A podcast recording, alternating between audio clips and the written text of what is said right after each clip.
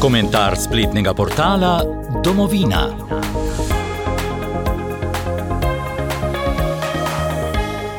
Tokrat bomo prebrali komentar, ki ga je napisal Rok Frelih, nosi pa naslov: Naj ga naši še tako vabijo, Putina ne bo več kruski kapelici.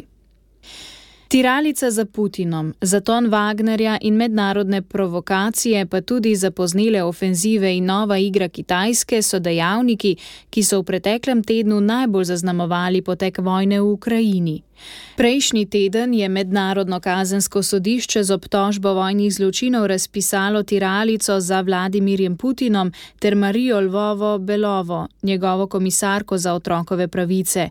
Ob ostalih grozodejstvih, ki jih je okupator zagrešil v napadeni državi, je sodišče kot najbolj zavržno prepoznalo ugrabitve ter deportacije 19 tisoč ukrajinskih otrok, ki so bili kasneje dodeljeni ruskim družinam, da bi jih vzgojili v dobre ruse, znana praksa nekega drugega diktatorja.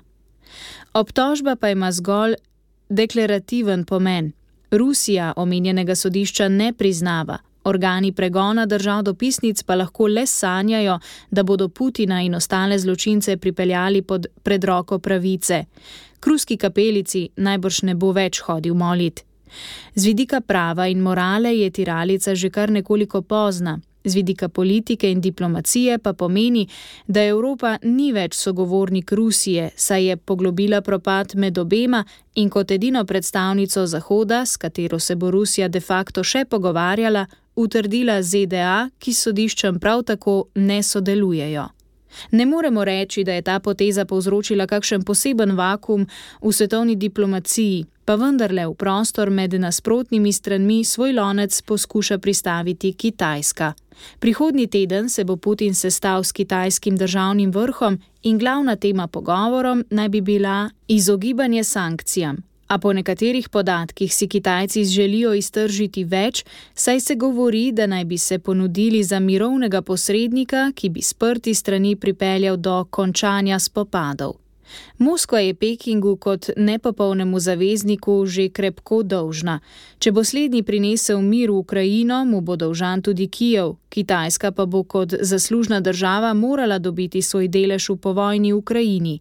Z načrtom želijo zmanjšati vpliv Zahoda ter si v Evropi zagotoviti novo strateško izhodišče, saj je usoda Srbije kot kitajsko-ruskega proksija zelo negotova.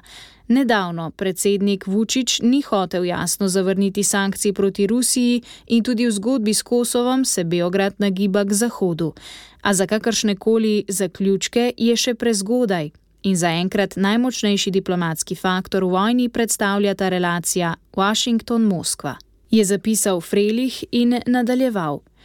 Čeprav je nad Črnim morjem nedavno prišlo do incidenta med ruskim letalom in ameriškim brezpilotnim letalom, se odnosi med upletenima državama niso bistveno spremenili.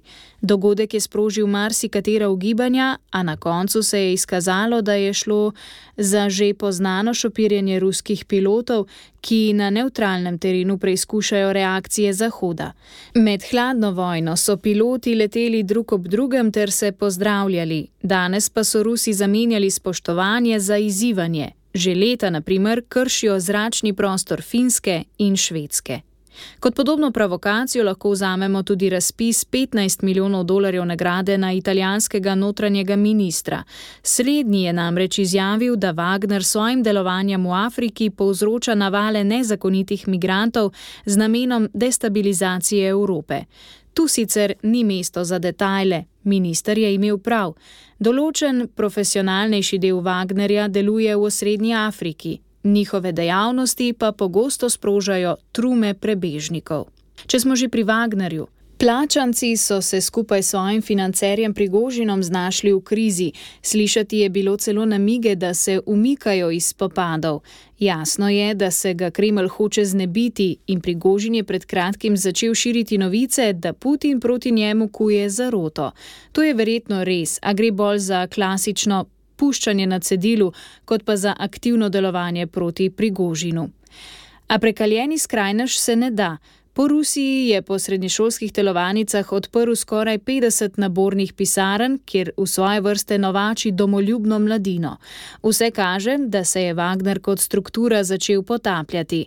Najprej so bili to profesionalci, Potem jih je postalo škoda, ker jih potrebujejo v Afriki in prigožin je stavil na zapornike.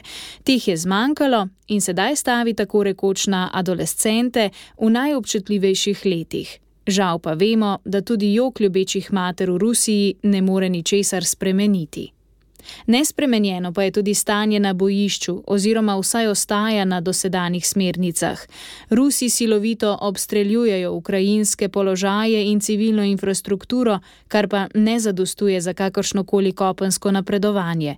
Kljub temu počasi postaja jasno, da bo Bahmut prešel v ruske roke, bodi si s taktičnim umikom Ukrajincev, bodi si s pacem kot posledico ruske obkolitve. Wagner je namreč pred kratkim dosegel glavno prometnico, po kateri poteka oskrba mesta iz smeri zahoda, in čeprav Ukrajinci po lastnih navedbah nadzirajo dobro polovico stanovanskega dela mesta, bo umik Ukrajincem v vsakem primeru koristil.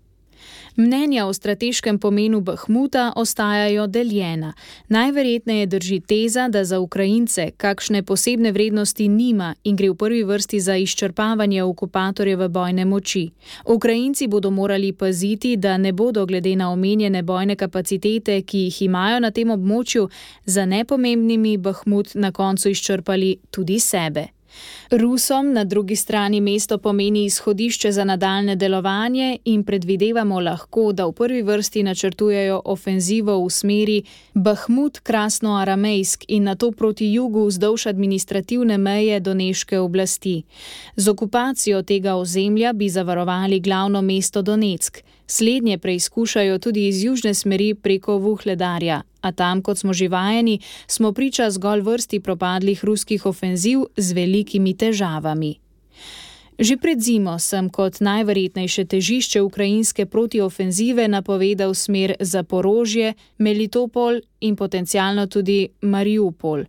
Za osvoboditelje gre za najlažjo smer, saj poteka po vzhodni strani Dnepra, zato jim ni treba prečkati večjih voda, infrastrukturne povezave so razmeroma dobre, obenem pa lahko računajo na pomoč lokalnega prebivalstva, ki na okupiranem ozemlju bije partizanski boj proti okupatorju. Po drugi strani pa gre za zaledje Krima, ki je Rusom pomembnejše od njihove manjšine v separatističnih LNR in DNR zato je ustaljena frontna črta izjemno dobro utrjena. Ukrajinci so pred dnevi začeli z določenimi prodori, a so jih Rusi odbili. Glede na kapacitete, ki jih Ukrajina trenutno premore, lahko ocenimo, da gre zgolj za preizkušanje terena in okupatorjeve reakcije, saj je polna protiofenziva nemogoča. Tuji viri sicer poročajo, da branilci glede na kopičenje orožja načrtujejo resen projekt, a lahko začetek po ukrajinskih navedbah pričakujemo šele v maju. Najverjetneje je tudi ta časovni časovnica vprašljiva. Ukrajincem je trenutno bolj smiselno čakati, kot trošiti kapacitete. Ukrajinci so napovedovano protiofenzivo preložili, trenutno pa relevantni poznavalci celo menijo, da se je tudi ruska velika spomladanska ofenziva končala, še preden se je sploh začela. Prevelik optimizem je na tem mestu odveč, saj je kljub neuspehom in upadu intenzitete dejavnosti na glavnih žariščih Rusija na mesto velike ofenzive sposobna izvajati manjši, a konstanten pritisk na ukrajinske položaje. Še enkrat je potrebno poudariti, da je za Ukrajince pomembnejše kakovostno uvajanje naprednih sistemov kot pa brezglave ofenzive. V tem kontekstu je direktor nemškega Rheinmetalla izjavil, da se podjetje odloča o tem, ali bo v Ukrajini postavilo tovarno tankov, ki bi jih lahko proizvedla do 400 letno. Gre za izdelavo najsodobnejšega tanka na svetu, Panther, naslednika trenutno verjetno najboljšega Leopard 2. Lepo, da želi pomagati napadeni državi, ampak postaviti tovarno v Ukrajini. No, to pa trenutno ni najbolj modro. Je komentar zaključil Rok Frelih. Komentar spletnega portala Domovina.